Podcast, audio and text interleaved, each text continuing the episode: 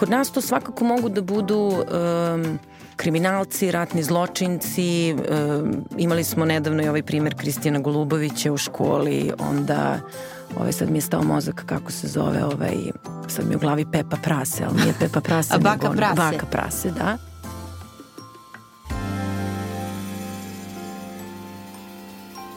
Dobrodošli u podcast Kako da izgradite dobar život u produkciji velikih priča. Ja sam Ana Mitić, novinarka i urednica u Velikim pričama i Nedeljniku. Termin e, toksična muškost je uveliko prisutan i odomaćen u akademskim i medijskim raspravama, a uprkos tome i dalje postoji podela u razumevanju ovog termina.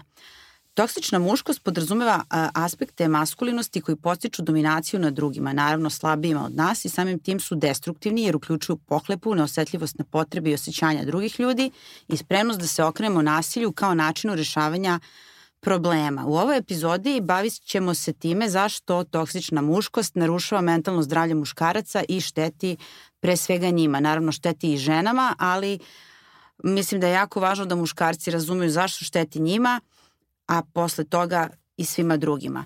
A, predstavnik te toksične muškosti u svetu je Andrew Tate, uh, nabildovan i stetovirani ćelavi tip koji puši skupe cigare, ima skupa kola i kojeg obožavaju mnogi muškarci i dečaci. I evo šta kaže Tate. Muška perspektiva je da morate razumeti da je život rat, jedna je od Tateovih mudrosti, rad za ženu koju želiš, rad za novac koji želiš, rad za status. Život muškarca je rat. Ako si muškarac koji ne vidi život kao rat, izgubit ćeš. Očekivanja društva od muškaraca su veće nego očekivanja od žena, kaže Tate. O Tateu je za velike priče e, pisala Marica Stjepović, psiholog i porodični psihoterapeut i ona još za njega kaže da je on osrednji kickbokser, manipulator masama uz pomoć političke beskorektnosti, metastazirane, samo deklasirani mizogin, čega se pametan stidi, to je u zagradi, uhopšen je u Rumuniji pod sumnjom na trgo, za trgovinu ljudima i držane ljudi u ropstvu. Tako da ću ja sad pitati Miju uh, Popić šta je toksična muškost, šta to podrazumeva, kako se ispoljava i koja su to ponašanja, iako sam već spomenula Tejta. Da, dosta toga si rekla. Toksična muškost jeste zapravo jedna perspektiva u kojoj je život džungla, a muške karakteristike ili prenaglašenost muških karakteristika će nas spasiti. I kad kažem prenaglašenost muških karakteristika, mislim pre svega na agresiju, dominantnost, mizoginiju, seksizam i, i prosto jednu vrstu podređivanja ne samo žena, nego i muškaraca koji nisu u skladu sa tim nekim maskulinim idealom. E, već smo spomenuli Tejta, ali o, mene zanima ko su neki od takvih ličnosti ovde u, u, u Srbiji ili ako to nisu ličnosti, šta je to kod nas što predstavlja toksičnu muškost? Mm -hmm. Pa, znaš kako, meni deluje da, da kod nas to svakako mogu da budu um, kriminalci, ratni zločinci, um, imali smo nedavno i ovaj primer Kristijana Golubovića u školi, onda, ovaj sad mi je stao mozak kako se zove, ovaj, sad mi je u glavi Pepa Prase, ali nije Pepa Prase, A baka nego prase. Baka Prase, da. I e, e, muškarci koji prosto na neki način demonstriraju moć, pa sad ta moć može da bude vidi koliko svega ja imam i kakvu devojku pored sebe imam, ali i moć koja ide iz tog jednog ratnog narativa, pa onda neće iznenaditi da e, predstavnici toksične maskulinosti mogu da budu ratni zločinci ili kriminalci. Ono što meni tu predstavlja problem je što je jasno sa Tejtom ili sa Kristinom Golubovićem na prvu loptu da je to zapravo e, prototip e, toksične maskulinosti.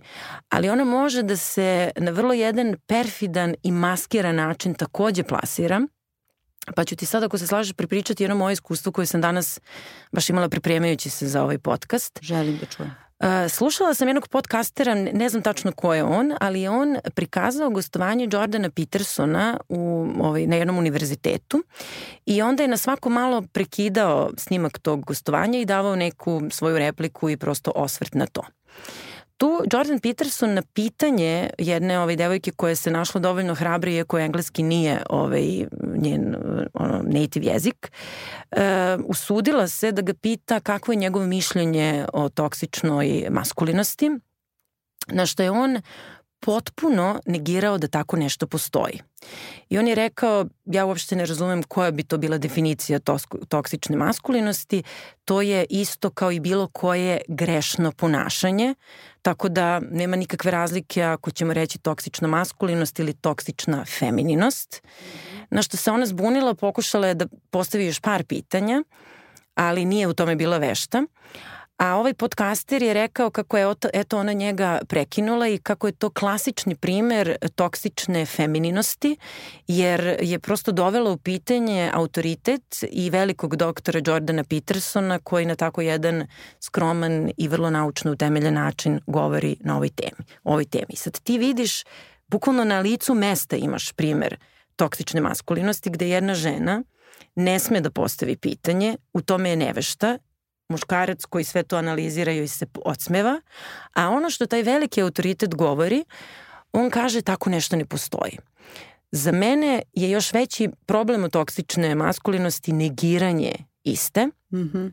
I svako, i sad to je znaš veliki problem kad imaš psihologa, doktora nauka, koji negira činjenice koje su potpuno naučno utemeljene. Dakle, ne moraš da budeš veliki matematičar da bi znao statistiku i koliko, evo čoj, samo u Srbiji imamo femicida od početka godine, što znači da mi zapravo možemo da plasiramo toksičnu maskulinost i na jedan u nauku upakovan način i da ga gaslightujemo, da se u stvari pravimo da to ne postoji i da sve to nazovemo nekako univerzalno grešnim ponašanjem i da nema razlike da li muškarac ili žena, ali ima zato što nama statistike kažu da su žene mnogo češće žrtve od strane muške ruke nego obrnuto, kao što nam takođe, i to svaki klinički psiholog zna i iznenađuje me da, da to nije znao Jordan Peterson, da mnogo više psihopatske strukture ličnosti ili antisocijalnih poremeća imamo kod muškaraca nego kod žena.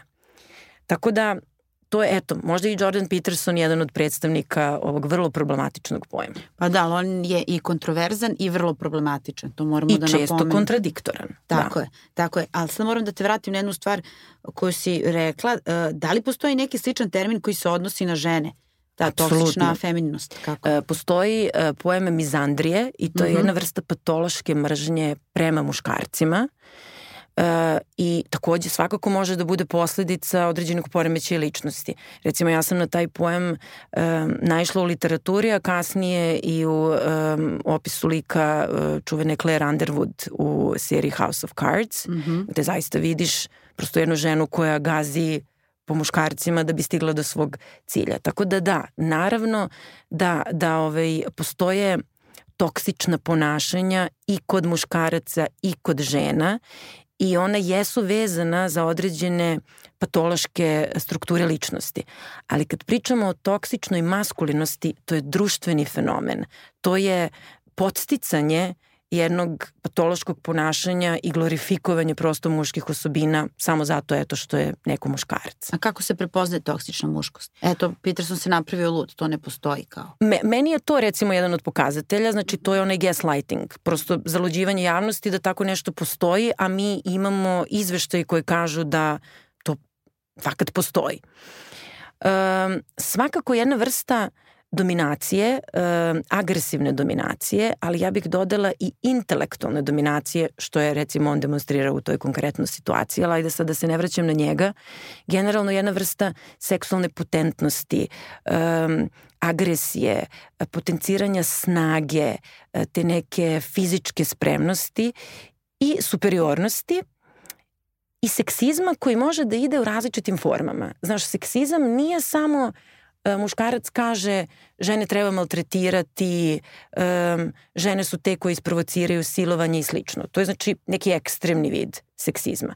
Postoji ono što se zove benigni seksizam, a to je žena je meni kao muškarcu potrebna da zadovolji moje ovaj, potrebe, seksualne potrebe i ja moram nekako da pazim kako sa ženom, moram da je malo zaštitim, pa onda malo da obigravam oko nje da bi dobio to što želim, tako da čak i taj benigni seksizam je isto svojevrsna ove forma toksične, toksične maskulinosti. A da li je to ispoljavanje nekih ponašanja, stavova, mišljenja, pa i predrasuda, samo usmereno uh, na žene ili prema celom društvu? Prema celom društvu I svakome ko ne podržava takvu vrstu filozofije da je život džungla, rat i da najbolji pobeđuju, i vrlo često nije usmerena samo kao ženama koje se smatraju inferiornim, nego i ka muškarcima koji e, ne pristaju na takvu vrstu narativa. I onda će vrlo lako muškarci koji ne demonstriraju tu neku izraženu maskulinost biti proglašeni za mlakonje, e, papučare,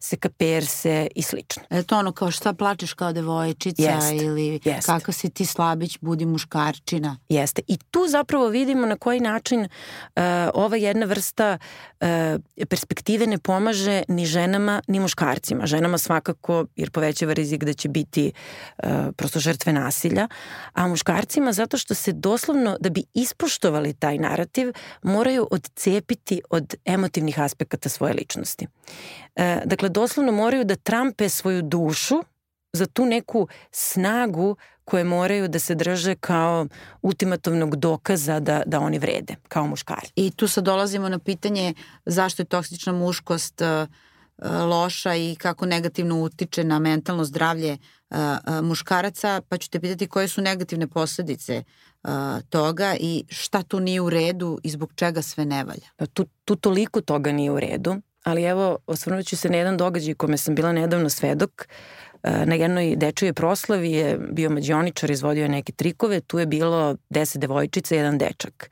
I on je pitao, dobro, ajde, ko će sad da bude sledeći moj saučesnik u ovoj tački? I javio se jedan dečak i mađioničar je pitao, pa kao zašto ti? On je rekao, pa zato što sam ja dečak teško da mogu da zamislim obrnuti narativ, da si imala, ne znam, deset dečaka i jednu devojčicu i da je ona obrazložila zato što sam ja devojčica. Znači, taj narativ zato što si ti dečak kaže, pošto si dečak, ti si poseban. Pošto si poseban, ti sad moraš da izvodiš neke i da imaš neke super moći, tako da se ogroman pritisak stavlja na dečake, a kasnije i na muškarce da budu. Pa sad, tri tačke. Snažni, sposobni, um, uspešni, uh, da budu uh, emotivno hladni, to jeste hladne glave, kako se to kaže. I kad pogledaš brojna transkulturalna istraživanja koje su analizirala šta se očekuje od muškaraca, a šta od žena, od muškaraca se upravo očekuje to. Dominantnost, agresivnost, snaga, samopouzdanje, ambicija, takmičarski nastrojen ovaj, taj jedan vid ponašanja, čime one zapravo žive samo jedan aspekt svoje ličnosti. Dakle, nema totaliteta, nego ti prosto samo moraš da ispoljavaš ta ponašanja, Dok se za žene često očekuje da ispoljavaju sa, saosećajnost, emotivnost, e, brigu, e, nežnost, neku vrstu ljub, ljubaznosti, submisivnosti. I kad pogledaš ta vrsta jedne stroge dihotomije ne odgovara nikome. Zato što bi e, dozvolo da žene budu ambiciozne, direktivne, odlučne, ženama svakako olakšale, a dozvola muškarcima da prosto budu emotivni, saosećeni, da potraže pomoć kad im treba, bi ih učinilo mnogo emocionalno dostupnijim prvo sebi, a onda i ženama. Jer, jer jedna od najčešćih tema koja ja čujem na psihoterapiji od žena je meni moj partner nije emotivno dostupan. Ali kako da ti bude kad nije ni sebi? Jer ga je društvo doslovno od ranih nogu e, vrlo sistematski, hiroškim putem odstranilo od emocija. Da, a kako naš kulturološki kontekst utiče na, na odgoj dečaka? Uh, i uh, u kako je to vezi sa toksičnom muškošću i kako to uh, na koji način je to onda povezano sa femicidom, sa nasiljom, pa i sa tim kultom oružja. Mm -hmm. Pa ja sam pre neki dan baš kupujući poklon za taj rođendan prošla pored uh, dečijeg odeljenja i videla silne neke puške, pištolje i, i ove igračke tog tipa i moram reći da sam se onako baš naježila. Uh, Mislim da kod nas, ali ne bih rekla da je velika razlika ovaj, ni, ni u odnosu na, na svet. E, dečaci i dalje su podizani na taj način da, da baš to kažu zato što sam ja e, dečak sa nekim posebnim tretmanom koji samo e, na izgled je poseban, a zapravo ih mnogo toga košta. i oni e, prosto su socijalizovani da im je e, agresija dozvoljena i kad pogledaš, ja se sećam, to sam još na osnovnim studijama čitala o nekim pravilima osjećanja koja su odgovarajuće da ih osjećaju muškarci ili žene. Žene će mnogo češće sebi dozvoliti tugu, ali će onda zato što dozvoljavaju sebi tugu tražiti i pomoć i podršku. Muškarcima tuga nije dozvoljena, socijalno je prihvatljivo da budu ljuti ili besni, zbog čega često svoju tugu izražavaju baš kroz bes. I onda šta je krajnji rezultat toga? Jeste femicid i mi znamo za to, ali ono što takođe ne znamo jeste da e, u svetu mnogo veći broj samoubistava počinja muškarci. Zato što prosto, i to je neka moja pretpostavka, oni nemaju razvijene veštine emotivne samoregulacije, baš zato što ih je prosto društvo naučilo da od toga treba da budu ocepljeni i baš zato što ne znaju kako sebe emotivno da regulišu, nisu sami sebi emotivno dostupni, često e, rešenje problema je nekada zapravo taj e, najtragičniji mogući postupak. Tako da stvarno ne bih da, da rizikujemo da nekako govorimo o ovoj temi kao da napadamo muškarce. Ja stvarno mislim da toksična e, maskulinost pre svega ne odgovara muškarcima, a već znamo zašto ne odgovara ženama jer smo prosto svedoci e, silnog porodičnog nasilja nad ženama. Da, ovo sve što si rekla, sve vreme razmišljam na koji način uh, loše utiče i na muškarce i na žene. Nikome u stvari ne, do, nikome, ne donosi dobro. Nikome, zato što nam ne dozvoljava da budemo u psihološkom smislu celoviti. Naš Jung je odavno o tome pričao, da jedini način da mi stvarno spoznamo svoju psihološku celovitost jeste da dozvolimo sebi i muške i ženske karakteristike, to jest muške i ženske vidove ponašanja. To znači da muškarci sebi dozvole da se e, isplaču, da budu emotivni, da potraže podršku, bez da rizikuju da budu percipirani kao mlakonje, a žene sebi da dozvole ljutnju, da dozvole sebi odlučnost, asertivnost, direktivnost, sve ono što se nekako smatra da je baš specijalno rezervisano za muškarce. A, a gde, gde se greši u vaspitanju, uh, jer postoji uh, razlika, naravno, neko od svih, kako, vas, kako se vaspitavaju devojčice, a kako se vaspitavaju dečaci da li je to taj trenutak kada više to nije usmeravanje da dečak bude, na primer, jak, nego zapravo pred tim dečakom se postavlja imperativ da bude jak, najjači, da to mora da bude vidljivo jer, je, jer moć mora da se demonstrira. Tako je, mi mnogo više dečake usmeravamo ka sportskim uh, aktivnostima, ka takmičenjima. Uh, ja mislim da prva greška nastaje od onog najranijeg trenutka dečaci nose plavo, devojčice roze i ta jedna stroga dihotomija od ranog odrastanja uh, prosto našu decu gura u jednu kategoriju i samim tim im šalje poruku da sve što je ono suprotnog roda, to jest ponašanje koje je tipično za suprotni rod, prosto ne treba da bude ponašanje ovaj, našeg sina recimo. I onda mi tu njemu od samog početka prosto zabranjujemo uh, pravo na emociju. E, I da, način kako se igraju, način kako ih e, podižemo, poruke koje im ovaj, šaljemo sve to zajedno e, šalje poruku da prosto je e, biti muškarac znači biti snažan i ne biti emotivan. Mm -hmm. A kako da ne odgajamo toksične muškarce? Pa da, to je mnogo teško pitanje. Um, znaš šta, ja mislim da za početak uh, treba da dozvolimo um, da ovo je baš sad, kad razmislim teško pitanje zato što razgovarati sa svojim sinovima o osjećanjima znači da mi prvo moramo da proverimo kakve su naše kompetence, nas kao roditelja, da spoznamo sobstveno osjećanje. Znaš, jer ne možemo mi sad na silu da pričamo sa decom o osjećanjima ako i sami nismo prepoznali u sebi, u svom unutrašnjem psihološkom prostoru širok dijapazon različitih emocija koje možemo da spoznamo. Tako da jedna vrsta emocionalnog opismenjavanja, prvo roditelja, pa onda dece, i ne samo dečaka, nego i devojčica, bi nam svakako pomogla i jedna vrsta fleksibilnosti gde ćemo dozvoliti da ispratimo, dozvoliti sebi da ispratimo šta naša deca žele i biraju za sebe i da se ne uplašimo ako biraju za sebe ona ponašanja koje su svojstvena suprotnom rodu. To znači, i evo baš sam juče pisala kolumnu za, za velike priče na tu temu, to znači da ću ja dozvoliti svoje čerke da za svoj osmi rođendan e, prosto obuče duks koji je pronašla na odeljenju za dečake. I da je to sasvim u redu jer time ja njoj šaljem poruku da jedan taj neki psihološki totalitet kad pričamo o rodnom identitetu je sasvim okej. Okay. Dakle, ti možeš da budeš devojčica i da ispoljavaš muška ponašanja, to je sasvim okej. Okay. I obrnuto. I obrnuto, da. kako naš društveni sistem podstiče i podržava toksičnu muškost i kakve su posledice. Kad sam te pitala kako da ne odgajamo toksične muškarce, mislila sam kako da ih ne odgajamo i kao roditelji, znači mm -hmm. od malih nogu, ali i kasnije ka, kada odrastu da ne podstičemo tu toksičnost. E, znači, pitanje je kako naš sistem podstiče toksičnu maskulinost. Pa vidi, od toga koji se sadržaj plasiraju dečacima, a koji devojčicama.